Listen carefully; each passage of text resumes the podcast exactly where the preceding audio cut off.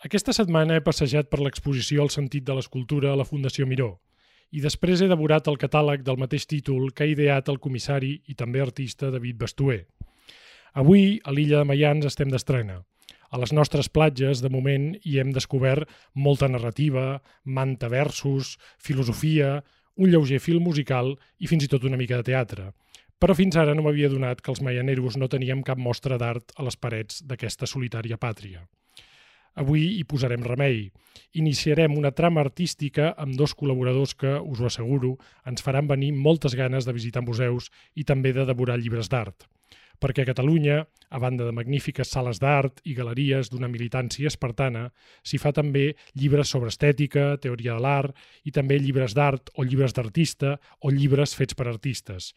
I molts no només d'una qualitat altíssima, sinó també font d'alta literatura. Així és el cas en aquest catàleg d'una exposició que diria compleix a la perfecció la missió d'una mostra d'art. Ens fa pensar i, sobretot, ens fa pensar d'una forma diferent, en aquest cas sobre l'escultura, una forma d'expressió artística que els aficionats sovint hem considerat menor, d'autora dels monuments, subsumida als capricis de l'acabat arquitectònic purament decorativa, però que després de visitar a Can Cert redescobrim amb un grau de riquesa elevadíssim. Bastuer ho fa des del seu inici, centrant-se no pas en la forma acabada, sinó en el buit que sorgeix de l'autoria fantasmagòrica dels motlles. Després, en un recorregut pels materials amb els que l'escultura es deconstrueix eliminant les jerarquies formals i el límit en el trencament tradicional entre l'espectador que mira i el cos que es deixa contemplar. A poc a poc, amb una traça seductora, el sentit de l'escultura ens explica com l'escultura també es fa d'objectes mutants, d'una matèria nòmada, de relíquies que trobem per casualitat en un temps ahistòric. Tot plegat explicat sota el vel del mite o relat de Galatea, un personatge escultòric tan perfecte que va gosar emancipar-se del seu creador per posar-se a caminar com Llàtzer.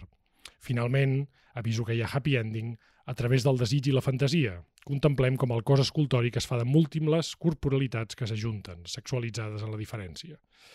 Tot això, i perdoneu si m'he posat massa metafísic, en una visita de set sales en les que, per si fora poc, Bastuer acompanya el camí de l'escultura fins a les formes amb què la tecnologia actual l'ha redimensionat. I tot això, no és un detall menor, sota la mirada atenta del nostre estimat Miró, que és, com sabeu, un artista que va treballar i va viure més enllà del temps. I també, ho deia abans, sota l'encara més atenta mirada de l'arquitecte Serc, qui, com comprovem els mandrosíssims barcelonins cada vegada que pugem a veure el seu palau a Montjuïc, és un dels nostres millors escultors. Avís per a navegants. L'exposició s'acaba aquest diumenge i cal anar-hi. I tant si aneu com si no, val la pena cruspir-se al seu catàleg. Aquesta setmana he mirat i llegit El sentit de l'escultura, imaginada per en David Bastuer, però no ho he fet sol. Amb mi ho han fet l'historiador de l'art i galerista Antoni Valero i la historiadora de l'art i coordinadora d'exposicions de la Fundació Vila Cases, Mercè Vila. Soc en Bernat de Déu i sou a l'illa de Mayans, el podcast d'Hora Llibres. This is my island in the sun Where my people have toiled since time begun I may sail on many a sea Her shores will always be home to me. Oh, island in the sun, built to me by my father's hand. All my days I will sing in praise of your forest waters, your shining sun.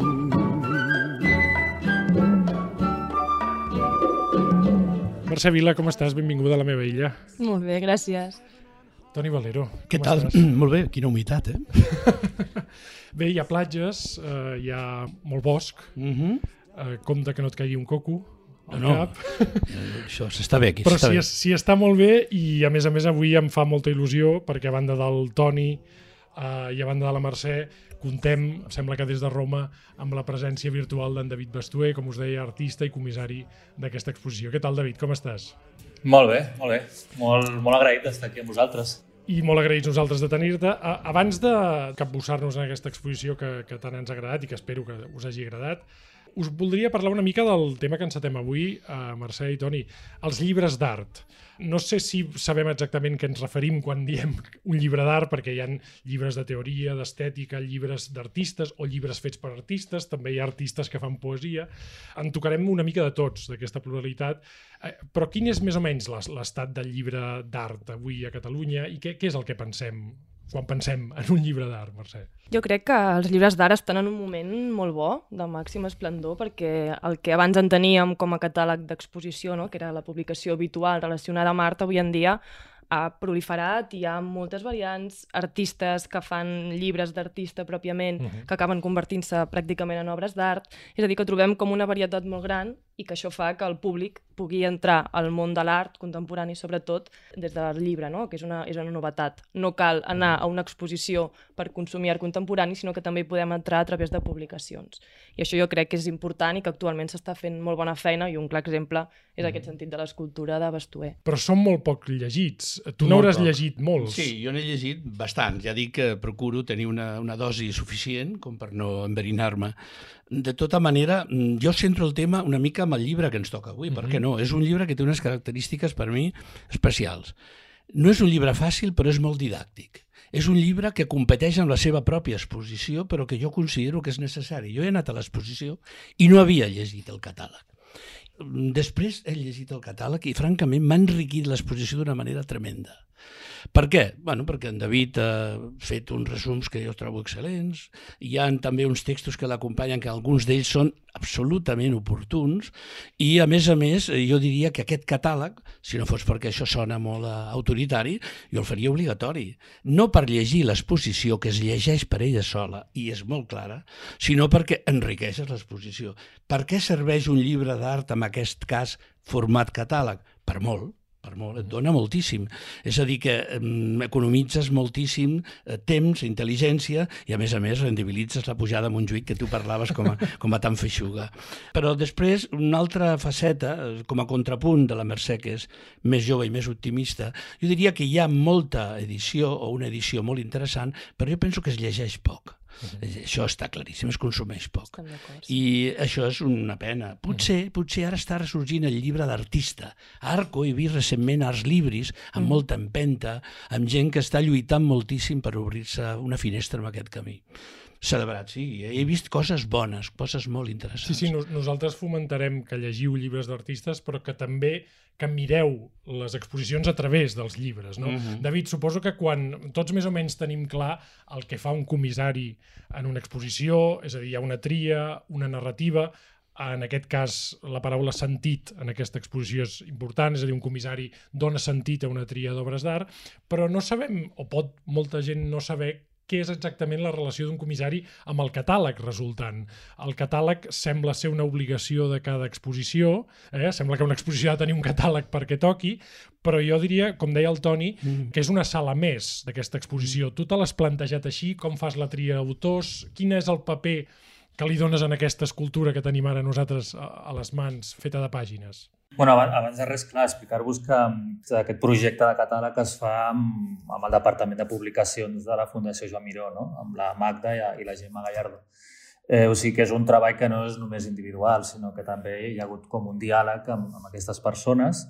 Com bé dius, el catàleg de per si és un artefacte bastant especial, perquè per una banda acompanya l'exposició, però per una altra banda doncs, també després eh, temporalment doncs, la transcendeix. No? En el cas particular d'aquest catàleg, eh, teníem un condicionant i és que havia d'estar present a la inauguració, aleshores no podia ser un, un catàleg que reflexés les peces a les sales, no? per exemple, eh, sinó que havia de ser un registre de les peces abans de la inauguració. No?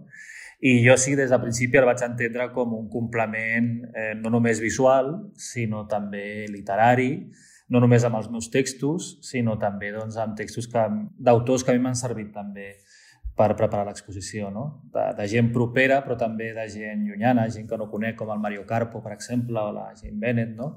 que són traduccions, o, per exemple, per una altra banda hi ha una, una conversa amb la Susana Solano, que, que és una persona que jo conec, que és una artista que està present a l'exposició i que a mi també doncs, conèixer-la també em va servir doncs, per preparar l'exposició, etc etc. no? Parlarem dels textos i tant la Mercè com el Toni vull que hi posin cullerada perquè són molt interessants, però abans parlem una mica del referent, que és l'exposició. Deia en la meva, en la meva introducció eh, que la majoria de persones que hem vist escultura i hem visitat escultura i mirem escultura en les ciutats, en els pobles, tenim la sensació de que és un art eh, de la plenitud, per dir-ho així, i de la corporalitat plena. No?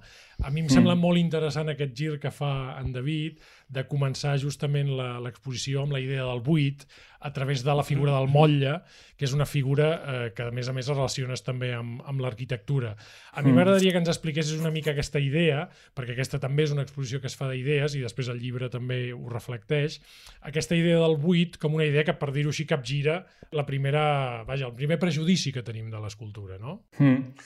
Bueno, sí, abans de res, només com a pinzellades per contextualitzar l'exposició, és una exposició que, que, com bé dius, gira al voltant de l'escultura i el condicionat també era que havia de ser molt didàctica. O sigui, a mi se'm va demanar una exposició que fos entre cometes per tots els públics i això també té a veure amb el catàleg, té a veure amb el fet doncs, que cada sala tingui un breu text introductori, etc. No? Per una altra banda, jo tampoc vaig defugir el fet que era en un context que era la Fundació Joan Miró. Aleshores, és una exposició sobre escultura, però jo crec que d'alguna manera Miró apareix en algunes sales, però és una exposició sobre una, un tipus d'escultura pròxima a, a Miró. De fet, parles del buit, parles del motlle i moltes de les escultures que va fer Joan Miró doncs, van ser amb, utilitzant la fosa de bronze, etc. No?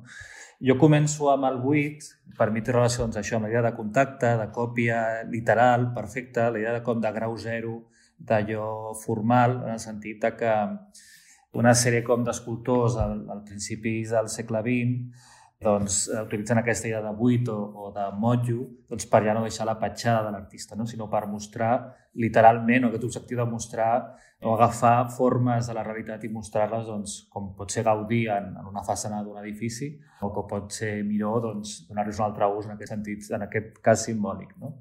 O sigui, a mi aquesta idea de grau zero, començar amb la idea de còpia, que és aquesta idea de buit o utilització, em semblava com un, un bon punt de partida, perquè com t'acabo de comentar, no? a mi em servia per emparentar la pràctica de Gaudí, que és algú que, com podeu veure a l'expo del MENAC, no? doncs és algú que encara té moltes coses a oferir en el present, eh, però em servia per emparentar Gaudí amb Miró i de sobte també amb altres artistes més lligats a la pràctica de l'art conceptual, com per exemple Bruce Nauman. No? Aquest exercici per mi també és, eh, és com un exemple del que a mi m'interessava mostrar en aquesta exposició, unir de sobte referents molt propers de l'àmbit català, amb referents més internacionals del passat, del present més proper també, etc. No? O sigui, I tot això, que sembla com una cosa molt, molt eclèctica, intentar que tingués un ordre o un sentit, no? mai millor dit, eh, i un fil conductor. No? Diria que l'exposició deconstrueix el que nosaltres pensàvem quan pensàvem d'escultura. I aquesta idea del buit per això em sembla tan atractiva, no? perquè justament, ara ho parlava el David, parlem de còpia, però també parlem d'originalitat natural, parlem d'objectes artístics que no són artístics, perquè el moll és un objecte d'ús. Per dir-ho així, és com capgirar la mirada de l'escultura d'una cosa més unívoca a veure que la... Vaja, jo quan vaig sortir de l'exposició, quan vaig començar a veure-la, anava pensant que l'escultura és arreu. Sí, no, no, no sé si teniu aquesta sensació. Sí, sí, claríssim. A més a més, tot comissariat, suposo, eh, és una, un plantejament molt subjectiu. És una, una exposició, que el comissari és una exposició d'autor, també, jo crec. I es nota molt, perquè jo hi veig algunes eh, relacions molt clares amb altres exposicions anteriors del David. Eh, I el veig una mica a la Panera, o el veig a molts altres espais, materials, buit, però és molt astuta l'entrada, i quan dic astuta parlo d'intel·ligència, naturalment. Eh, es tracta doncs, de parlar de la còpia com anar des d'aquest grau zero, des del punt més eh, elemental, i ens ajuda. És a dir, que quan jo entro a l'exposició, mm, realment entro ja d'una mà que m'encurioseix. Després ja en donarà algun ensurt, és evident, perquè no és fàcil trobar Nauman pel camí o trobar la Pipilota Reis projectada, etc etc. Però no hi ha cap dubte de que és, és una mà carinyosa, com diu la Martina Millà, no pot evitar l'emoció quan al seu text. I parla de tu amb un enamorament que és admirable. Eh, naturalment, aquest enamorament el, el trobo intel·lectualment interessantíssim, perquè fa unes al·lusions molt tendres, parla de tu com un autor i parla de tu com un poeta. Què més vols? Si a més a més has, fet, has comissariat l'exposició, jo penso que és molt d'autor i després hi ha un segon autor a l'ombra, molt potent, molt potent, que es diu Joan Miró. Mm. Parlarem d'en Miró perquè és, és una presència no fantasmagòrica, sinó amable no. en aquest recorregut, i vull també que parlem dels límits, no? que és una cosa que és present en aquest catàleg, de com a través de l'escultura anem trencant els, els límits. No tinc davant meu dues obres interessants de, del catàleg de la segona part, diria, d'aquesta exposició, una obra de, de Pere Jaume que es diu Compostatge de nou pintures mm i una fotografia d'una obra d'un dipòsit d'aigua de la Lara Almárcegui. No? Hi ha aquesta idea, Mercè, de, de que l'escultura forma part de l'interior o del més interior de l'arquitectura. Ho és molt i, jo crec que en David també sempre ha tingut una relació molt directa amb l'arquitectura, a partir de Miralles i, i molts d'altres, llavors era evident no? que l'arquitectura tindria un pes específic en aquesta exposició.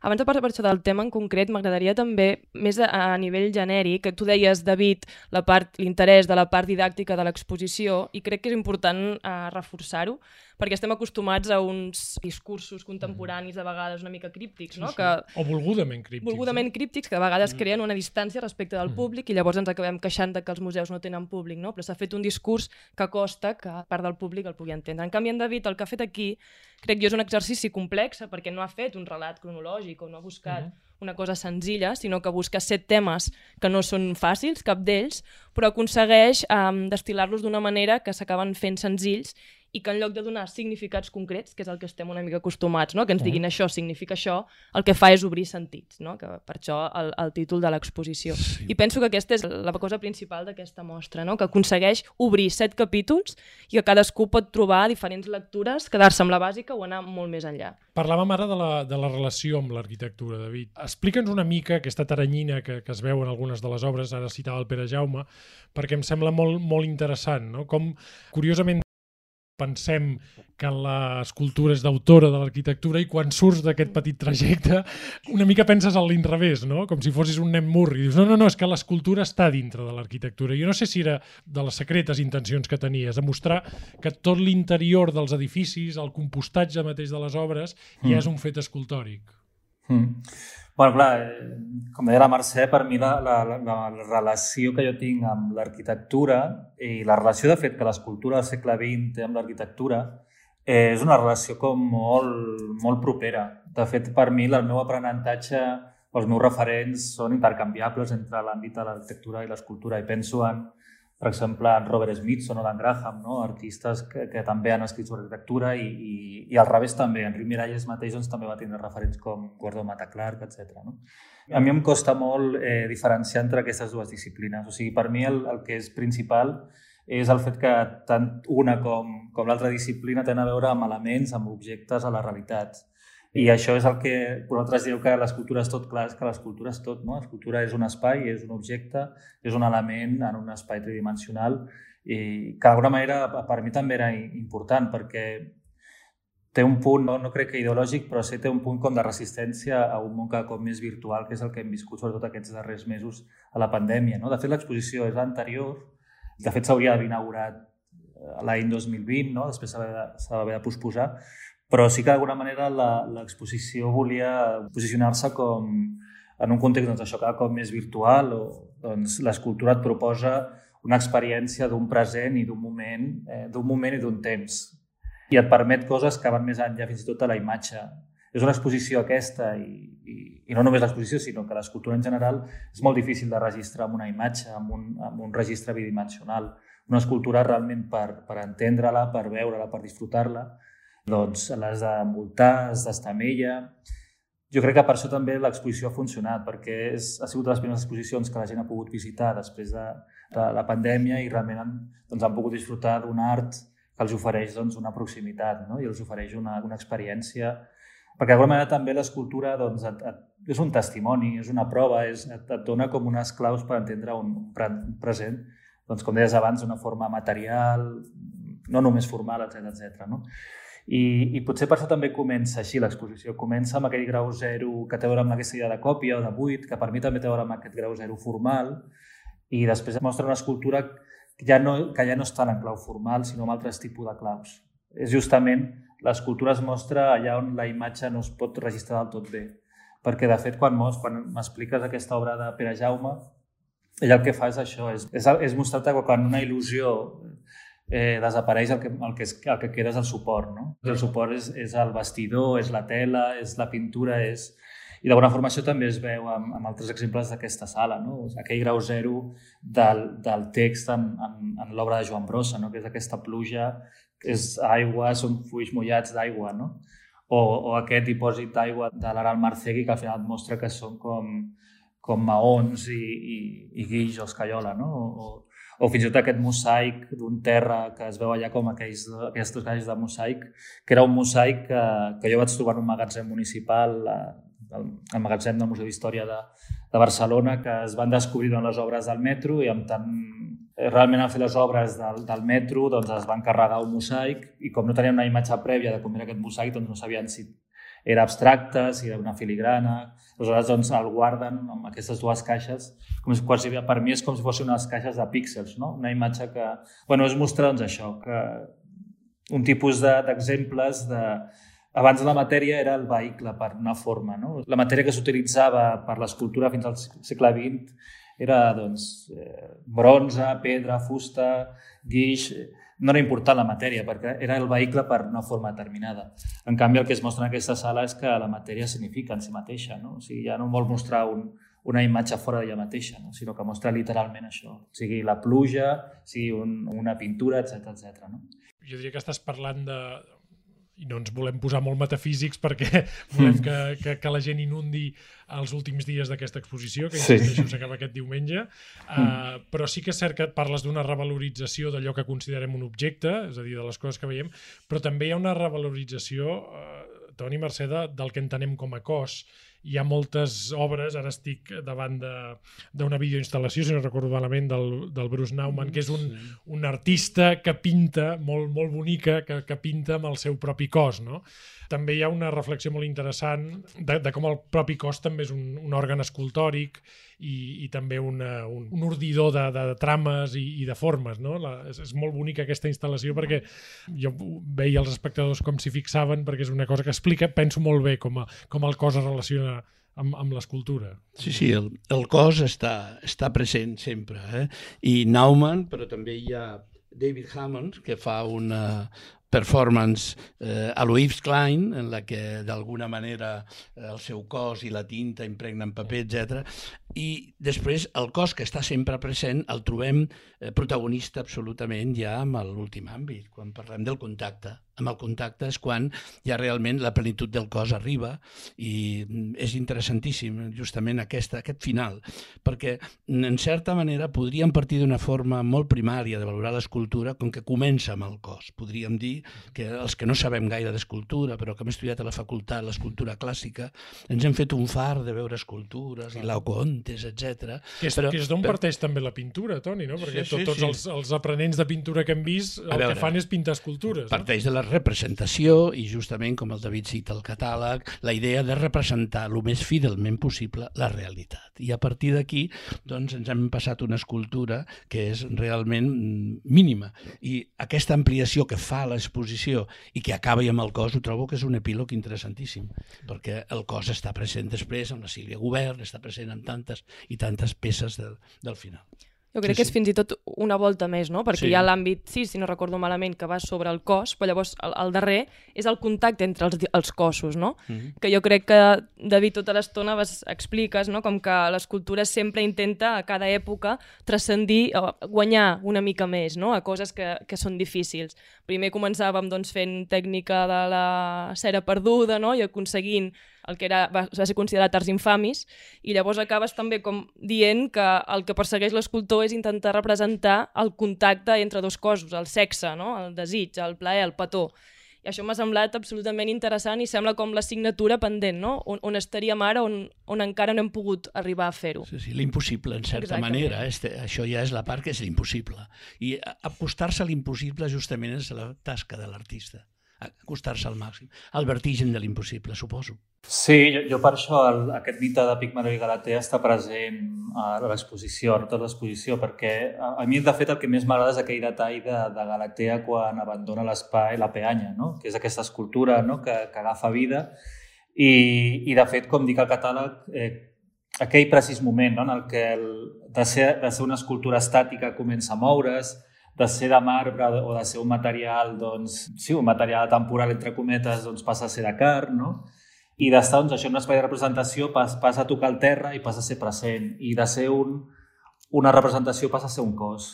Per mi també és un exemple de com l'evacuació d'aquest límit de representació acaba sent l'acció i acaba sent una disciplina un format que ja no és l'escultòric, sinó que doncs, passa a ser la fotografia o passa a ser la performance, etc. No? O sigui, per mi eh, acabo doncs, amb això, amb la idea de contacte, de, perquè per mi és impossible. És impossible que amb, amb, una, amb un objecte, que, que a través d'un objecte es, puguin, es pugui plasmar directament qüestions que tenen a veure amb coses que no són del tot físiques, no? que tenen a veure doncs, amb una mirada, amb el desig, amb una abraçada, coses que quan vols registrar ja desapareixen. De fet, jo crec que també passa amb la fotografia, no? quan vols registrar amb Instagram no? una cosa, una amistat, un, sobreactues una mica, no? Hi ha un moment de representació i en aquell moment és quan la frescura o quan la intensitat del moment desapareix. Per mi és així, però bueno, al final tota disciplina té com un límit, no? I, i aquest és el límit de la... De fet, jo, jo em sento molt còmode... Jo parlo del límit de, de la representació, però em sento còmode treballant dins de l'àmbit de la representació, no? Perquè em dona un, un, un lapse de, de reflexió, no? Hem citat moltes vegades sense citar-los coses que surten al catàleg eh, per fer-vos venir salivera. Eh, igualment m'agradaria que ens parlessis una mica del making of, d'un catàleg que es distribueix amb idees. Quin, quin ha estat la, el, el making of, per dir-ho així, de la, de la tria que has fet en aquest article i, i en aquesta sèrie d'articles, en aquesta sèrie de textos, i per què has triat a cada un dels, dels autors que hi podem i de les autores que hi podem veure?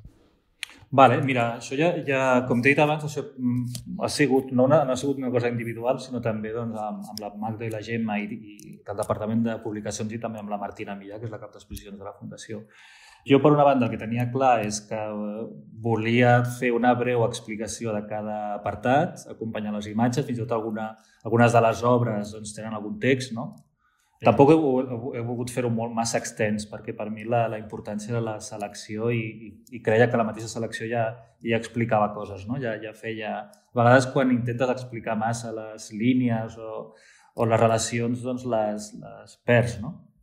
O sigui, perden la gràcia, entre cometes. Aleshores, eh, sí que tenia clar que volia treballar doncs, amb aquest text de Mario Carpo, que per mi va ser important doncs, per la primera secció, com la Jane, Jane Bennett, Eh, la conversa amb la Susana Solano és una conversa que, de fet, és d'una exposició que vaig comissariar anteriorment a Hull House, on ella apareixia, però era una, una conversa on realment ella s'expressava d'una forma molt planera i a mi fins i tot em va sobtar que ella acceptés parlar en aquests termes i acceptés la publicació, perquè al, al, al final de la conversa és com bastant impressionant, no? Ella diu doncs, que està cansada ja de, de tanta escultura o de tanta producció, etc. Però bueno, a mi també em servia per, per introduir una veu o un tipus de veu que passa amb, amb molts escultors i moltes escultures, perquè de fet molts escultors i escultores treballen amb l'escultura perquè per ells és una evacuació del llenguatge, quan ja no saps què dir o quan no saps què dir el que et passa, doncs ho construeixes físicament, no? I en el cas de la Susana Solano és una mica així. Quan ella, jo li demanava que m'expliqués algunes peces, ella em deia, doncs és que això no es pot explicar en llenguatge, no? Aquest suposo que és el moment del catàleg que més sobta pel format, sí. també, no? Que és un format que fa honor fresc també a la, a, a, a l'exposició, no? Mm. Estem molt poc acostumats a, a aquest tipus de, de, de diàleg i aquest tipus de sinceritat. A mi m'ha sobtat molt. No? De fet, no recordo moltes entrevistes dins de catàlegs Sí, sí, estem parlant d'un artista de caràcter. La Solano té caràcter i té les idees molt clares i des de fa molt temps. A mi em, em sobta molt al final aquest Haneke tan, tan dur. Eh? Ja. De, no, de destrucció, no res, sí. de The Day After. No? Mm. Em preocupa una mica, però de qualsevol manera he vist la seva obra Arco fa tres dies. La, la veritat és que l'exposició Eh, per una banda, volia, volia portar artistes que no haguessin exposat gaire abans a Barcelona, com per exemple la Marisa Mer, no? o gent que feia temps que no exposava, com la Sara Lucas, per exemple, però en altres casos també volia mostrar l'obra d'artistes com Susana Solano, que potser fa temps que no exposa gaire. No? O sigui, si el, la Fundació Sunyol fa uns anys, no? però, per exemple, la darrera retrospectiva del MACBA va ser fa més de 20 anys, no? i potser ja li tocaria. Doncs eh, jo crec que el que passa amb Susana, amb la Susana Solano, és que bueno, que veu ja tota la seva producció i de sobte el que li passa moltes vegades als escultors, que jo crec que per això ens hem, ens hem passat a l'art conceptual, és que fer escultures vol dir fer molts trastos, eh? I fer, doncs, fer coses, coses i omplir habitacions, magatzems, i, i jo crec que ella, quan, quan, quan vaig parlar amb ella, estava en aquesta situació de dir, bueno, què faig amb, els, amb aquests objectes, no?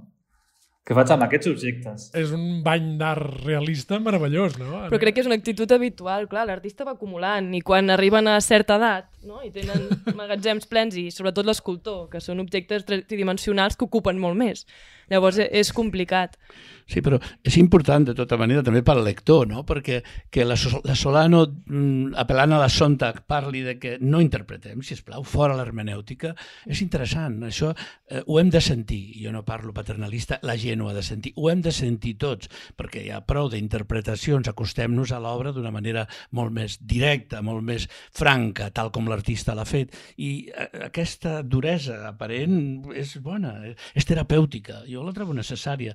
Mm, m'ha agradat llegir-la, fins i tot jo, que figura que hauria de saber una mica de la qüestió, mm, ha estat un fàrmac interessant. Sí, és el, és el text menys retòric de, de la mostra, però segurament és el, sí, sí. és el que més arriba. No, no, m'ha agradat molt, no? agradat molt. Sobretot a un lector no acostumat a la teoria de l'art, no? Sí, i, i com us dic, eh, és exemple de, de, doncs, de, fins i tot a mi mateix, o molts amics i amigues que, que són artistes, no?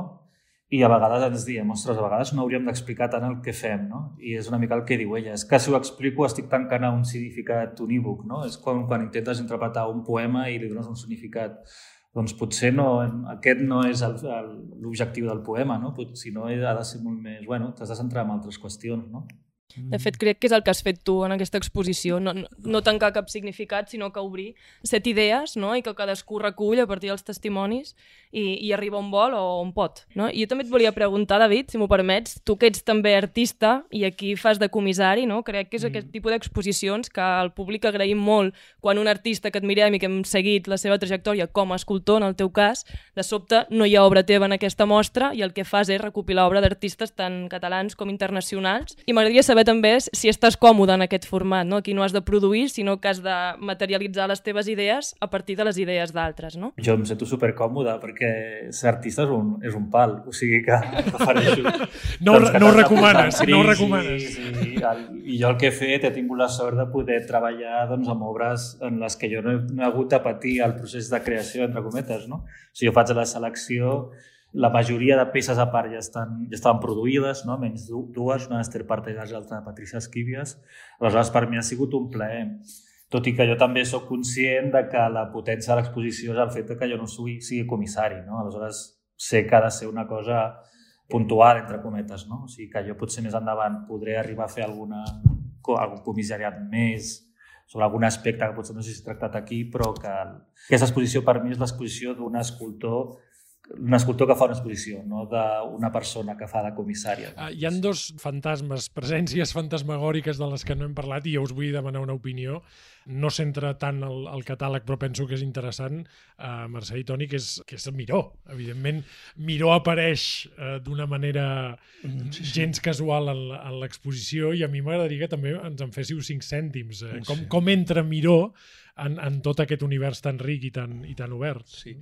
Miró i també en bona part el seu amic Calder, eh, que també hi és, i que també hi és i de manera molt important. Tots dos estan molt presents. Bé, és que Miró en certa manera, el podries encabir en molts dels apartats. Està gairebé, no diria tots, perquè ara no me'ls sé de memòria, però m'agradaria pensar que està tots, està sempre. És un home que fa mm, realment poema de l'art, és un poeta, ell ho diu i a més a més ho sosté, és un home que és un transform, és un frego, li diria en brossa, és un home que pràcticament mm, llueix moltíssim i frueix d'agafant objectes, transformar-los, i Calder és un home que transmet d'una manera molt, molt civilina, amb la font de Mercuri, per exemple, una força política impressionant. És a dir, els miners del Madén hi són allà. I allà és la República, el 37, el pavelló... És a dir que, sí, estan presents i és bo perquè crec que no condicionen en absolut la feina d'en David Bestuer, però sí que l'acompanyen, i a més l'acompanyen sortint de circuit i eh, estan en espais que ja no formen part del circuit eh, del set, diguéssim. Sí, sí. I jo trobo que no són fantasmes, estan presents i fins i tot faig una paraula una mica estranya. Jo crec que anirien a l'exposició i estarien satisfets, cosa mm. que, que això costa de creure, no? perquè són gent exigent, amb dos. Jo mentre parlaves, Toni, pensava exactament el mateix. Crec que Miró, si pogués veure aquesta sí. exposició, creuria que és el tipus de mostra que s'ha de fer a la seva fundació, sí. no? Perquè és a, a, agafar les seves idees, aquesta mirada local que tenia Miró des de Montroig del Camp, no? i alhora estava sempre cap a una visió totalment internacional. És el mateix que fan David, escollint mm. artistes totalment locals mm. i agafant també gent internacional. I alhora tenim peces de Miró dins el recorregut expositiu, però alhora tenim l'exposició també dins la col·lecció permanent de Miró. No? Per tant, crec que és una simbiosi molt ben aconseguida i que més enllà d'explicar Miró dins d'aquesta exposició, ell hi és present des de l'espai i també eh, mm. pensant que és la teoria que ell voldria promocionar sí, i recolzar. I, i, i l'altre prota del qual hem de parlar és, és l'autor del setting immillorable de l'exposició, que és un geni, que és encert. A, a mm. mi em passa una cosa, Toni, que és tremendament, vaja, pedant, és que sempre que vaig a la Miró, quan surto del Palau, penso, caram, sí, el millor és encert, perquè és que realment, realment és, és un espai extraordinari, magnífic, que els barcelonins, insisteixen, insisteixo, ens costa arribar-hi perquè si ens mm. fas moure'ns més de dos quadrícules ens, ens, ens posem molt nerviosos, però realment la disposició de la llum, la claredat d'espais, de, de, que suposo que a l'hora de comissariar també és, és, és magnífica, no? la, el transcorre natural del passejar que, que et donen cert és, és, és genial. No sé si us passa el mateix, eh? sense bueno. menys prear els artistes que s'hi donen el cert realment és bestial. Mira, mira si és bo que fins i tot ha suportat l'ampliació. que això... Eh? D'aquella manera, el, eh? El, el, David, el David que coneixia molt bé el Miralles i que segueix l'arquitectura del Pinyón i Via Plana i de més, sap que l'arquitectura és una ciència màgica, és a dir, que has de tenir màgia, però si no la tens, no insisteixis, perquè ja no surt. I jo diria que, no és el cas de la Sagrada Família, que és lamentable, no? però jo diria que la Fundació Miró ja estava acabada i l'ampliació doncs, encara se n'ha sortit per pèls, ho ha suportat. Això és importantíssim que ho hagi suportat perquè la idea era claríssima, no, no es podia d'alguna manera millorar. I l'espai eh, és molt adient, és com un vèrtex de l'escultura, és a dir, que està molt bé que hagi coincidit aquesta exposició. bueno, no és tal coincidència, és ja un punt de partida. Jo trobo que mm, parlar de cert és parlar de projectes d'il·lusió, és parlar de quan en Miró volia aquest espai, per cert, centre d'estudis d'art contemporani, tot un compromís, no estem parlant d'un museu, no estem parlant d'un mausoleu, és molt més. És clar, per això estaria Miró content d'aquesta exposició, perquè diria, és que avancem una mica més. A l'arquitectura, res a dir, cert, realment és un geni. Però una nota que no sé si coneixeu, a Teheran hi ha una, un museu, el Museu d'Art Contemporani de Teheran, és clavat a la Fundació Miró, no us ho perdeu. L'explicació és perquè en Diva, germà de Fara Diva, va estudiar amb cert a Boston. I quan el, el Sa li va dir construïm un museu d'art contemporani i van fer unes compres impressionants per tot el món va dir, ah, doncs la faré, i va tenir una idea original. I és que ha fet una fundació Miró, no us ho perdeu, a Teheran. Ho dic que el llenguatge és tan potent... Vols dir que es va, es va saltar el copyright, no, aquest xà? ple de milions, com tenia el xà de Pèrsia, estem parlant de l'època gloriosa, que van comprar col·leccions a tota Europa, i que estan als, als soterranis del museu, que no s'exhibeixen, però el propi museu sí s'exhibeix, i no s'ho perdeu. És realment una còpia tornant al territori de la còpia, en ah. aquest cas arquitectònica. No, no és un espai neutral, al contrari, és un espai que convida molt a aquesta exposició, no? Jo tenia aquesta uh, sensació. Jo crec que el museu, l'arquitectura del museu com a contenidor condiciona totalment totes les exposicions que s'hi fan. En aquest cas jo no crec que, bueno, suposo David que has tingut molt present l'arquitectura, no, no és el mateix fer aquesta mm. exposició al MANAC que la Fundació Miró que al MACBA. Llavors, sí. de quina manera et condiciona uh, també aquest, aquest cert, aquesta ombra de... Mm Clar, el, el, era, també ha sigut un hàndicap, eh, en el sentit que els espais de les exposicions temporals són una mica heterogenis, no? Comencen... I de fet l'exposició, el recorregut de l'exposició, jo crec que s'embotlla una mica doncs, doncs aquest fet, no? Les dues sales, eh, la còpia i material, són com més acadèmiques, entre cometes. La tercera, que és l'espai més gran, doncs ahir, allà es, es, es col·loca les qüestions més físiques, no? amb el gran càlder al mig, és que només podien ser en aquella, en aquella sala, no? amb el, aquell, i aquell diàleg tan maco entre el Calder i el Lucio Fontana i l'Isa Gensken i el, i el Richard Serra. I després ja l'espai ja es trenca amb, la, amb les temporalitats, no? ja tenim el temps al fons, realment és, hi ha com un punt de fuga molt maco. I després doncs ja com aquell aterratge, no? que són les dues sales que hi ha a baix, que també tornen a ser una mica petites, doncs allà les, també les peces són més petites i ja parlem del cos, que és una escala més humana, mai millor dit, no? I, i el contacte.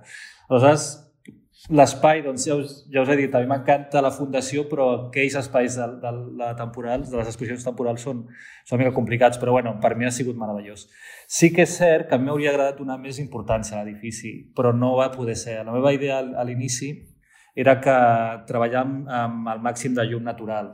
Obrir els lluarnaris, que són molt macos i que normalment estan tancats, però no va poder ser perquè a l'exposició hi havia peces com fotografies o dibuixos que havien de tenir doncs, un grau de, de llum una mica baixa. No? Doncs, per exemple, doncs, el dibuix de l'orca o, o altres peces doncs, que per temes de, de préstec doncs, venien amb unes condicionants lumíniques. No? Però per mi era la meva idea a nivell espaiar era que les escultures es poguessin veure amb llum natural, que és, és, a mi em semblava com una, una idea molt maca, no? de, de, que no, no treballar amb llum artificial sinó amb llum natural, però bueno, no va poder ser, perquè per mi, com, com deia el Bernat, per mi la idea era que, que l'edifici de CERT formés part, que es veiés també d'una forma escultòrica. No? És una idea completa. Eh, jo vull recalcar de cara a les imatges i als textos que, que hem llegit en el catàleg que aquesta voluntat de didàctica i de diversió que abans deia la Mercè també s'acompleix aquí. És a dir, no, no estem davant d'un totxo i, i, i la, la idea de que parlàvem abans d'eliminar de, la retòrica i centrar-se més en allò que veiem i en el gaudi és, és, és quelcom que, que passa en aquell llibret i que passa també a, a l'exposició. Nosaltres hem intentat eh, fer-vos-hi passejar durant tres quarts d'horeta en aquesta primera illa artística. Aquest parell que tinc davant meu eh, vindran alguna altra vegada, parlarem, tenim ja feina, eh, amics, tenim llibres de teoria de l'art, tenim llibres d'artista, tenim, vaja, molta teca per fer, Uh, però com veieu ho fem com sempre des de l'entusiasme i des de la calidesa de la nostra illa. Per tant, Toni, Mercè, moltes gràcies, us espero molt aviat. Vosaltres, vosaltres. Uh, David, bàsicament. I, I David, moltíssimes gràcies per atendre'ns. Uh, hauran notat els oients que estàs lluny. No sé si podem explicar on estàs i què estàs tramant o és un secret uh, no, que no es pot dir? No, no, estic... no, no, no és un secret perquè està com... No, no, t'ho dic perquè tu, no, no tothom està interessat en que se sàpiga on s'és. No, estic a l'acadèmia l'Acadèmia d'Espanya a Roma, que és, doncs, aquest és un espai de residència que és una beca que a mi em permet doncs, treballar en unes condicions bastant bones durant 7-8 mesos i la beca que he demanat és, sí, està bastant bé. I no només és per artistes, eh? hi ha gent de l'àmbit de la gastronomia, de la literatura, de... és molt guai, la veritat. I, I el projecte que avui treballat té a veure amb el cos humà. L'exposició acabava doncs, amb el cos humà, amb el contacte, amb el desig, i d'una forma, jo abans deia que era el límit no? que jo trobava de l'escultura, doncs és el que jo ara estic treballant. Doncs ara mateix, ara mateix ja et dir que ens fas molta ràbia perquè ens, ens agradaria bueno, venir, ens, ens, ens agradaria fer un, vaja, un vespre a Roma és de les millors coses que, que pots fer. En qualsevol cas, moltíssimes gràcies per haver vingut a aquesta primera illa artística i t'enviem una abraçada i t'amenacem amb venir a visitar-te i vale. recomanem aquest, recomanem, el, sentit, sí. el sentit de l'escultura, tant l'exposició a la Miró, a la Miró, recordem-ho que s'acaba aquest diumenge, com el, el si catàleg que Si algú no arriba a l'exposició, jo recomano i no, Totalment. no tinc tinc, no tinc cap mena d'interès comercial al tema, és que compri el catàleg. És, té, com diu la Martina Millà, un afterlife fantàstic. És a dir, viu i és... Ah, tant de bo. Útil. Eh? Totalment, Val sí. la pena, perquè fins i tot podria donar-se el cas, estem parlant d'una cosa que acaba molt aviat, eh, el catàleg seria molt interessant de comprar-lo. Eh? Aquesta és la funció, no? que les exposicions acaben i sempre ens queda el, el catàleg. Doncs a l'Iber en tenim, senyors i senyora, bon afterlife a tots. Addio. Bé. E assim, de retalho em retalho, terminei o meu trabalho, o meu sonho de escultor. E quando cheguei ao fim, adiante de mim, você, só você, meu amor.